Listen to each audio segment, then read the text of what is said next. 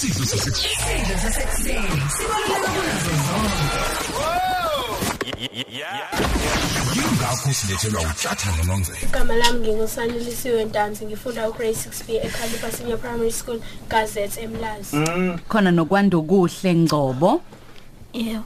kunjani kwani Ngiyaphila. Igama lami ukwanda kuhle ngcobo ngifunda grade 7A eKhalipa Senior Primary School eMlazi kaZ section. mawande dube. Yebo. kunjani mawande Ngiyaphila. Mina ngumawandi Dube, ngifunda eMenzi High School emlazi kaN. nosiphiwe madiba Hola Matiba. hayibo ya igama ngusiphiwe madiba ngesuka emlazi gazethi eogwini comprehensive technical high school Oh so let's go esidume ngokuphasa. Zonke kahle hle lezi ikole lema high school imenzi naseMenzi. imenzi ugwini ezidume ngama ngemphumela emihle kaMatikiletsheni. Yebo. Eh siyanithemba nani manginibuka nje hayi. Ngiyakubona phela. uma umuntu ofunda isikole ke nawe ngasithumela ivoice note. Eh usixoxele nje ngokunganiphathi kahle njengabafundi masibheka izinto ezenzeka ezweni. Eh ikuphi mhlawumbe okungenza impilo zenu njengabantwana zibe ngcono? Ningethu 07 ningethuki ingane sorry nginceba ngaxoxa uphazamisa ningethuki ingane lo malume kuthiwa ushinji ke lo Ningas- ningasabi niyazi. Eh kube kube kube kancebo Bengisenzela ingane relax. Ilo malume wathi bayifika ekhaya athi ubani odla ukudla kwabe bengikushiye la Ilowo malume Bengisenzela ingane zehlisa umoya. Bese ngakhululekile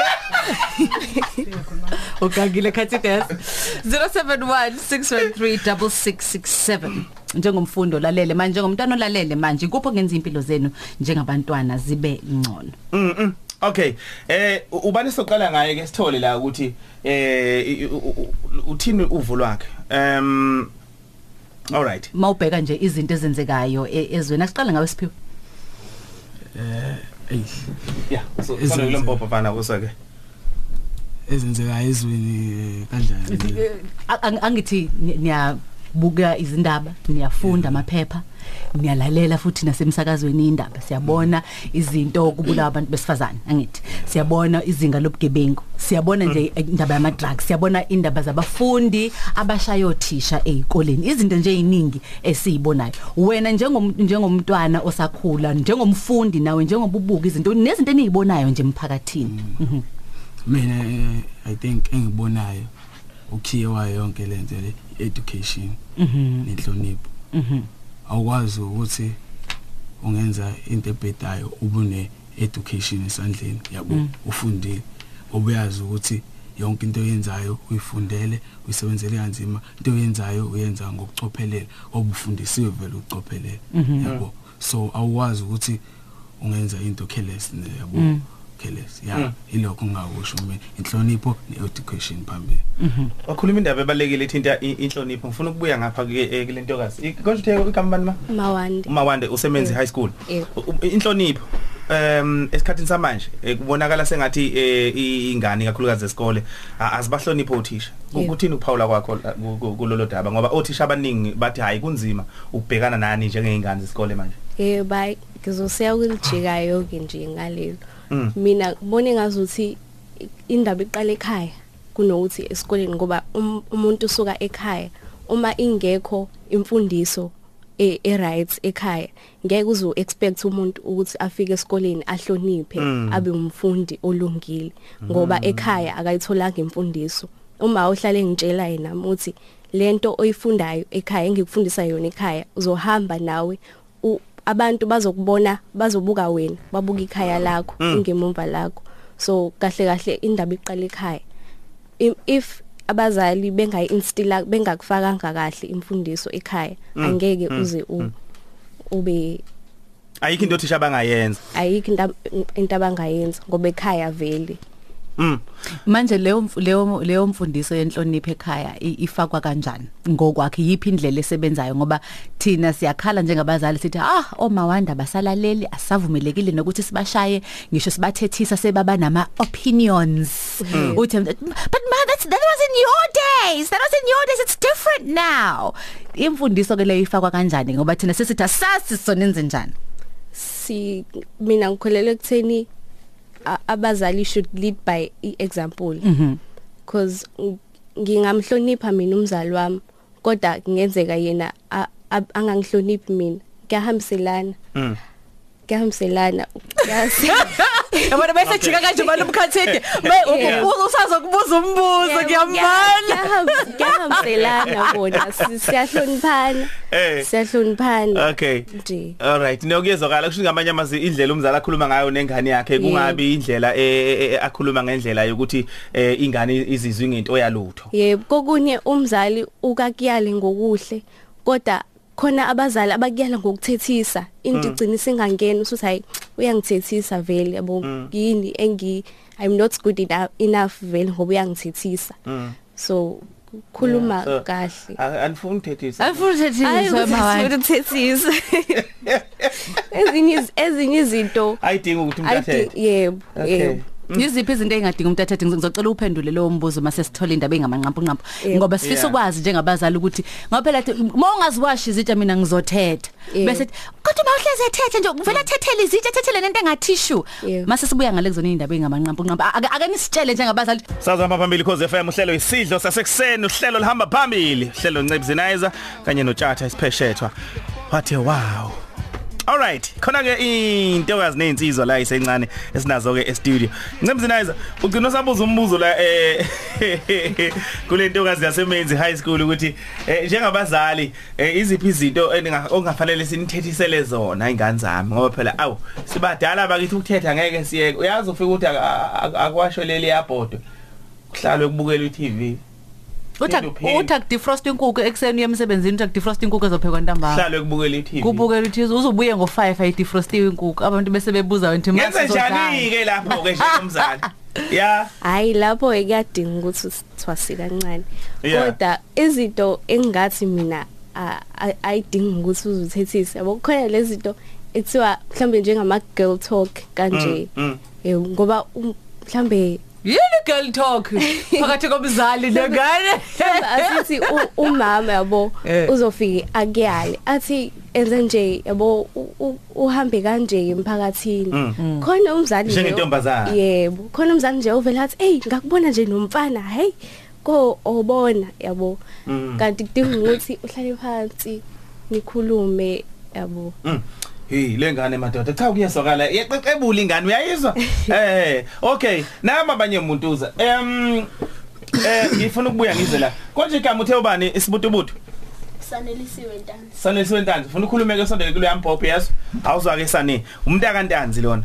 Eh mana ke sane nansi indaba la? Ku- kuphuma umthetho ukuthi abazali noma abazali ekhaya bangabe besayilokotha nje ngenduku ningabe nisashaya niwuzwile lo mthetho ngithi nani njengengane yebo niwuzwile kukuthe nje kini kufike kanjani lokho nizizwa kanjani nga- ngayo yonke lento Eh mina ngizizwa ngathi lo mthetho u wrong ngoba inga ingane mayenze into e wrong fanele ithethiswe noma ishawe mm so wena nje njengosane uyayizwa kahle le ndaba ukuthi ingane ayizukushaya Yeah. Mm. Okay.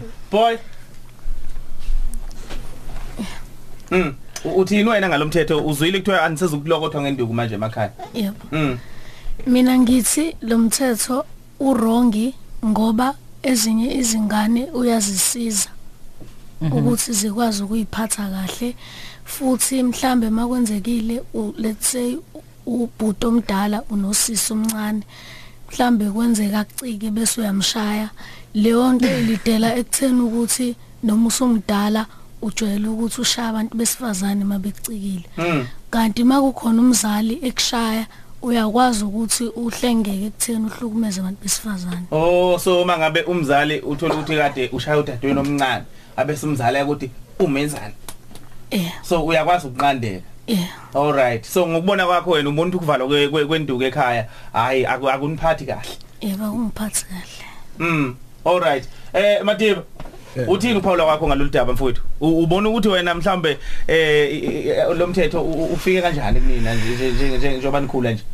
eh mina hey ngiphatha kabuhlungu ngempela ngoba uthatha ukubheka intsha yakudala Mm. nentsha yamanje kunomehlo omkhulu ngoba khona abantu esibuyela kubona abasuccessful in life Yeah. yabo so ukuze umuntu ubukele kena bu- uma udiga in ku story sakhe. Uya uya uyakuphatha phakathi ukuthi wakhula ngecorporal. Mm. so i-corporal punishment iyadingeka einganeni ukuze zikwazi ukukhula kahle. So that zingawenza ama mistake sithemba ukuthi vela shaw Mm. yabo? Kodwa manje uthi uhulumeni abanye abazali bayehlukumeza nje izingane.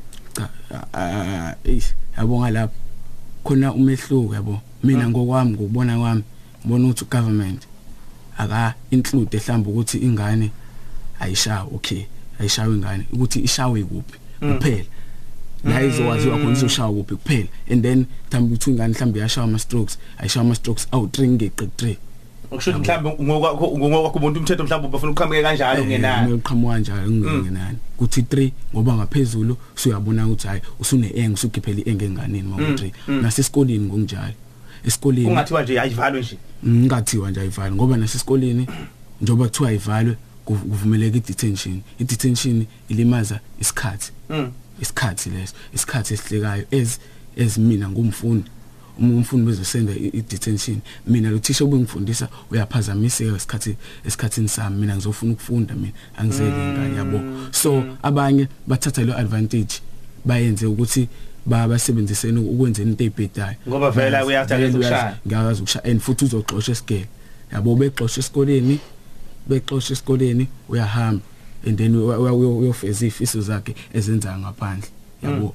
So um, noma enqeni ukufunda uzokwenza amasibomo ezitebheni So mana ke bayakwenza abanye vele ukuthi esikoleni umuntu a- a- asusa udweshu nje khona ezoxoxa ngoba afuna ukuyozenzela izinto zakhe. ya khona benza njalo. Ukuze azokwazi ukwenza and let's yabo bakhona aba- abasendwa kwi detention for a week to ubuye nomzali. Umzali useyalimala emsebenzini.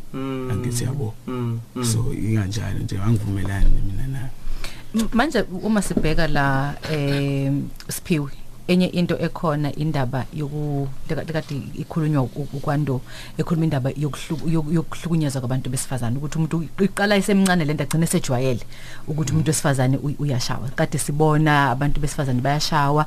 Eh ontanga yenu laba aba abalimalayo mawu- mawubheka ukuthi am- ingane ezino 17 18 19 ziyan- ziyathunjwa ziyabulawa angisaphathi ke na- nase bekhulile wena mawubheka njengomuntu wesilisa ngoba kugcina sekubukwa nina kuthiwa kazi lezi ingane esizikhulisayo zizokhula zibe njani? Uthe nje ukuphawula kwakho nga- nga- ngayo yonke lento enzekayo ya eh uPaula wami mina ukuthi ulona uswazi lisizayo ngoba uthatha ukubheka inzala abantu u- u- abantu besifazane bayinzala abantu awukwazi ukuthi u- u- ungashaya umzali wakho. Phela into iqala ekhaya. Uma wakho kumele kube uyena okushaya wazi ukuthi okay umuntu wesifazane kumele njalo ehlele ngimhloniphe ngoba vele noma ngiyamhlonipha uhlele ngishaya yabo. So iqala kanjalo ke le ndaba ukuze uzokwazi nangelinye ilanga ukuthi ungamthinti umuntu wesifazane ngoba uyazi ukuthi uma wakho wakho wakufundisa kanjani wayekushaya ngithi yabo so nje mina into engiyibonayo induku Okay. Sisi. Eh yeah. Hey ziyakhuluma ingane madoda. Kuyezwakala. Em awuthi sibuye ngapha eh ku lentokazi. Eh a- ake sibheke mhlawumbe mangabe ubheka wena izinye zengqinamba ezinkulu ezweni nehlupha izwe lakithi inkinga ezinkulu. Yiziphi? eyokuqala nje engiyibona isayinkinga kakhulu ukukhulelwa kweingane zisencane Mm. eh sikade sikade usitshela nje manje ukuthi zingaki ingane 6000 Eh e nje iyodwa ingane engaphansi kweminyaka u15 Yebo. eyikhulelwana. yebo ile ile inkinga ngisayibona kulonyaka nje futhi kakhulukazi ngisayibona inkinga kakhulu Mm. yebo Yini imbangela mangabe ubheka mhlawumbe? imbangela Mm. Kwenziwa yini konke lokho? abantu abakwazi ukusebenzisa isikhathi Mm. umuntu methola ithuba nje methola me- me- meba nesikhathi kunokuthi asisebenzise kahle mhlambe ngokufunda noma ngokwenza ezinye izinto nje mhlambe imisebenzi yasendlini Mm. umuntu usebenzisa kambe isikhathi sakhe a- ahambe enze izinto ezingamfanele engekho kwizinga lakhe Mm.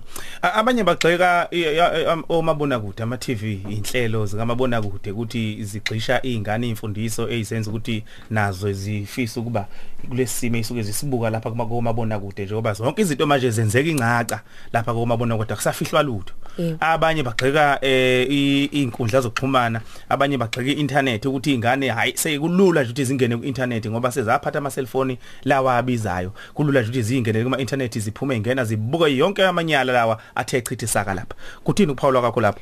yebo nalokho kuyi kuyimbangela ah ngingasho nje ukuthi eh na- naseyikoleni bayasifundisa kwi-LO basifundisa ukuthi imedia inawo umthelela empilweni yomuntu ukuthi yena uphila kanjani ngoba konke lokho kubonayo kakhulukazi kule kule age group yethu konke lokho kubonayo u- ukufisa ukuthi ngazi kuzoba njani? Mase ngizame nje kancane. Mm, i- ngoba manje uyayibuka lento iyenzeka njalo phambi kwamehla yebo yebo. Uyabona kuma bona kuthi kakhulukazi nakuyingoma futhi ama ama music video. Yebo. yebo. Sibone sithi hawu mekwazi ukwenza lokhu nami mekwazi ukugqoka kanje aphili kanje mina ngizohlulwa yini? Sibona khona lapho. Bese ke uba influencer ke manje abantu. Yebo. All right um hey okay. Ngifuna ukubuya kizela ku- kumfoka madiba ngoba naye useqina qinile u- u- useqala ukuba ibhobhodlana neminyaka yo16 nangu lapha u- umawande ukhuluma indaba yokuthi eh zina umthelela lezi lezi zinto ezibona kumabona kude ngaba inhlelo zikamabona kude ngaba ama music video njalo njalo. Ukuthini kuphawula kwakho lapha? E- ekuthenini indlela intsha eziphatha ngayo? Ngoba kuna abanye ontanga yenu kuma nje asebekhulelisile asebenezingane hey mina into engayikhuluma ukuthi ukuchoose wisely. Mm. Umuntu ombonayo okumuntu obukela kuyena role model yakhe. Yeah. Eze ukhona umuntu ongabukela umuntu mhlawumbe owenza music video asithi uculayo yabo. Mm. uzobukela kuyena mhlawumbe uh, njenge asithi intombazane. A- akagqoki yabo akagqoki. Obvious nami ngizofuna ungagqoki yabo. Mm. so umthele inabo ngoba umculo engimthandayo lo. Eh ngomculo ngimthandayo. Bese ngifuna ukumlingisa ke manje. mm, so into engayisho mina ukukhetha kahle nje abantu esibalandelayo kuphela. Okay. Umzali mhlambe khona nindima angayidlala eh kulezi ek- ekuthenini njengeingane ninekhaya nibuka kanjani iTV mhlambe anikubonini lokho kukuncindezela ukuthi umzali azothi hayi angifuni nibuka uhlelo oluthize angithandi nibuka ama music video mhlambe ngenxa yezinto engiyibona lapha kuma music video njalo njalo. Ni- ni- ni- niyaye nikuthathe kanjani lokho ngoba ngiyazi abanye abazali bayakwenza lokho. Cha eh, yabo. Indlela umzali asho ngayo kuya ngendlela asho ngayo. Mm. ku- kuya ngendlela ukuthi usanda kanjani besanda ngalendlela uyabona ukuthi should lento i wrong lento ayishoyo. Mm. So nawe uyacacisa ukuthi ku wrong so ingane i- izokwenza ifihle kanti u- ume ethule mhlamba abuke ingane ibukele and masiyakwenza masiyahlala phansi naye athi cha lokho akwenziwa kanje ukuze ize ubone ukuthi ingane yenziwa kanjani. Mm. Angisebo okay. Sanelisiwe uma ngase kuthiwa unikezwe ithuba lokuthi ube umongameli nje waseningizimu Afrika usuku olulodwa kuthiwa nje ungashintsha noma yini ungashintsha noma imuphi umthetho uma ungekho ozowushintsha ungabhala umthetho omusha ikuphi nje mhlambe angisho ukuthi khetho wodwa mhlambe mithathu ngafuna ukuyishintsha mhlambe munye mhlambe emhlanu ikuphi wena nje ongakwenza? Mina ngingakhetha ukuthi kuyekwe ukuhlukumezwa kwabantu besifazane. Mhm. Kanjani ngokwakhe ikuphi nje mhlambe ungalekelela ukuthi abantu bahloniphane ba- bahloniphane bazana ukuthi umuntu nomuntu unesikhala sakhe kulowo mndeni loyo Mhm. Akukho kunye ungafisa ukuthi kushintshe. Lo lo- lo mthetho lo wokushaya ingane ngeke ushintshe lo ngabuthandi. Ngeke ushintshe. nalokho ngakushintsha ngoba ingane uma zingashawa ziya- ziyaqhubeka nokwenza into into errong ngoba ziyazi ukuthi zona ngeyishawa Okay. Eh kwandokuhle wena mase kuthiwa uba umongameli nje usuku olulodwa. mina ngingathanda ukushintsha lo mthetho lo we-corporal punishment ngu ngenze ukuthi kube ukuthi i-corporal punishment iyavumeleka Mhm. ezikoleni nasemakhaya kodwa njengoba kade seshilo u umadiba ukuthi eh i-corporal punishment nayo kumele at least ingadluli ku koma strokes awu 3 futhi kwenzeka ukuthi abazali masebediniwe kakhulu omunye ugcine sedonsa uphini sekushaya noma ikuphi kusekwenzeka nokuthi usekushaya ekhanda. Mase kitchen akusakaze nangebhodi umama. Eh bese wena uthatha ukuthi hayi uma uyangihlukumeza nje. Hayi hayi ngondaba mina kushawa mina ngedwa. Kanti uthola ukuthi wena ohluphayo mhlawumbe ubhuti wakho omdala noma omncane uyiphethe kahle. Njalo ukuthola ukuthi kushawa wena ngoba wena ohluphayo. Bese ugcina usuzizwa u u left out.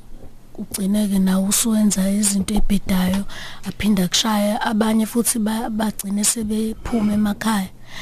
Ingakho abanye betholakala emabridgini ngoba sebefuna ukuyiphatha abanye. U- un- ungathini kulabo abasebeqalile ukuganga ngalezo zinto? Phela baqala ukuganga kule minyaka yini labaqale bagange bese uthola ukuthi umuntu mayisekhulile ke bese esehamba seyohlala ngimani ngisho mayisekhulile uthola mhlawumbe sengangomadiba kodwa uqale ukuganga engangayo kwandokuhle kodwa mayisela esekwi age yosiphiwe ngophelele ekhaya ilokhu ikhuzwa lento le aphuma ahamba athi hayi ngcono mina ngiphume ngihambe ngiyokwenza ngiyeka inhliziyo ngiyisi Yeah. ungathi ngilabo sebeqala sebeganga lezo zinto lezo? Eh, mina nga mina okwami engakusho singa- ngathola ngamele kutholakala abantu abazobasiza ukuthi babuyele emakhaya baqale kabusha. Umuntu abuyele kahle ekhaya axolise kwenzeke yonke into bese ba- baphinde bakho ubudlelwane ubudlelwane nabazali nezihlobo zabo. Bese ke kwenzeka ukuthi kube ne kube nomhlangano nohulumeni ukuze kuzotholakala isombululo sokuthi ngenzeka kanjani ukuthi avoid ukuthi kube khona ingane eziphumayo emakubo zohlala phansi kwebridge. Okay. Danke kwandokuhle mawani Alright. mangasoba umongameli nje usuku olulodwa. Mina. Ngingashintsha eh ukuyona le le le loye corporal punishment. Mhm. Yebo nokuthi ngibonga ngokubona kwami uk- uk- ukungaphatheki kwabafundi esikoleni ubuningi. Kwesinye isikhathi ubona ukuthi hayi ingane seziningi kakhulu esikoleni. Mhm. Manje uthisha akanaso isikhathi sokunaka lona lona lo. So esikoleni ngingafaka mhlambe ngithi isikole nesikole kumele sibe nesibalo esingaka sabafundi yabo uma sekweqile ses- sesingabaphungula sibafake kwesinye isikole esishode es- sithi ukushoda kancane angafaka lokho Okay. Alright, kuya- kuyazwakala. Mhlawumbe nje ngiphinde ngiqale kwena Ma- Mawanti sizo ya ku- kusanelisiwe bese siya ku kusiphiwe bese siza kukwanda kuhle. Ikuphi okuthandayo nge- ngeningizimu Afrika? Ngikuthandayo Mhm. ngithanda i- i-culture Mhm. us- us- isiko nje uhlukile zonke inhlobo zosiko esinalo. Yebo ngithanda kona lokho. Ne ne ne ne- nemfundo. Yazi kuthiwa eSouth Africa kukhona abantu aba abanama abanama qualifications abantu aba educated ngalendlela le yokuthi bazi bayahamba indlela aba aba educated ngayo bayahamba bayofuna eminye imisebenzi kweminye imizwe ngoba kwa- kwamanye amazwe ngoba bengayitholi la Mm. so iyona into engiyithandayo ukuthi at least s- bakhona abantu aba educated kufundekile eSouth Africa kufundekile kona kufani yeah Okay. Senense? mina into engiyithandayo ngeAfrika ukuthi abanye abantu babuye bahloniphane bazane ukuthi kufanele uhloniphe umuntu omdala noma omncane kunawe nokuthi amasiko namasiko ethu ezabantu abamnyama Mhm. ukuthi silandele wonke amasiko Mhm. ngendlela ami ngawo Mhm. Eh, mina ngakusho ukuthi ngithandayo ukuthi eh ningizimu Afrika ivulelekile engakuthanda ngalokho ukuthi eh izwe livulelekile kunombani. Yabo. So now now ukuthi indlela abantu aba unite ngakhona abantu bakhona abantu njoba thiwa sine- ama nine provinces yabo nenhlanga ehlukene phakathi. So ukuthi ba unite njengalento adiyenzeka yabo. So ukuthi ngikhuluma one voice nabanye bayalalela and then they come up with one thing and then mase baya ba ba- ba- bayalalelana and then masebenza into eyodwa. Njengoba kuzoba nemashi nje kutshengisa kona ukuthi kunobumbane eSouth Africa. Mm. Alright. Kwanda kuhle? into engiyithandayo nje bade seshila umawanda ile ndaba ye ye- ye culture Mhm. iculture yethu ngiyayithanda futhi abantu abaningi bala South Africa ba independent Mhm.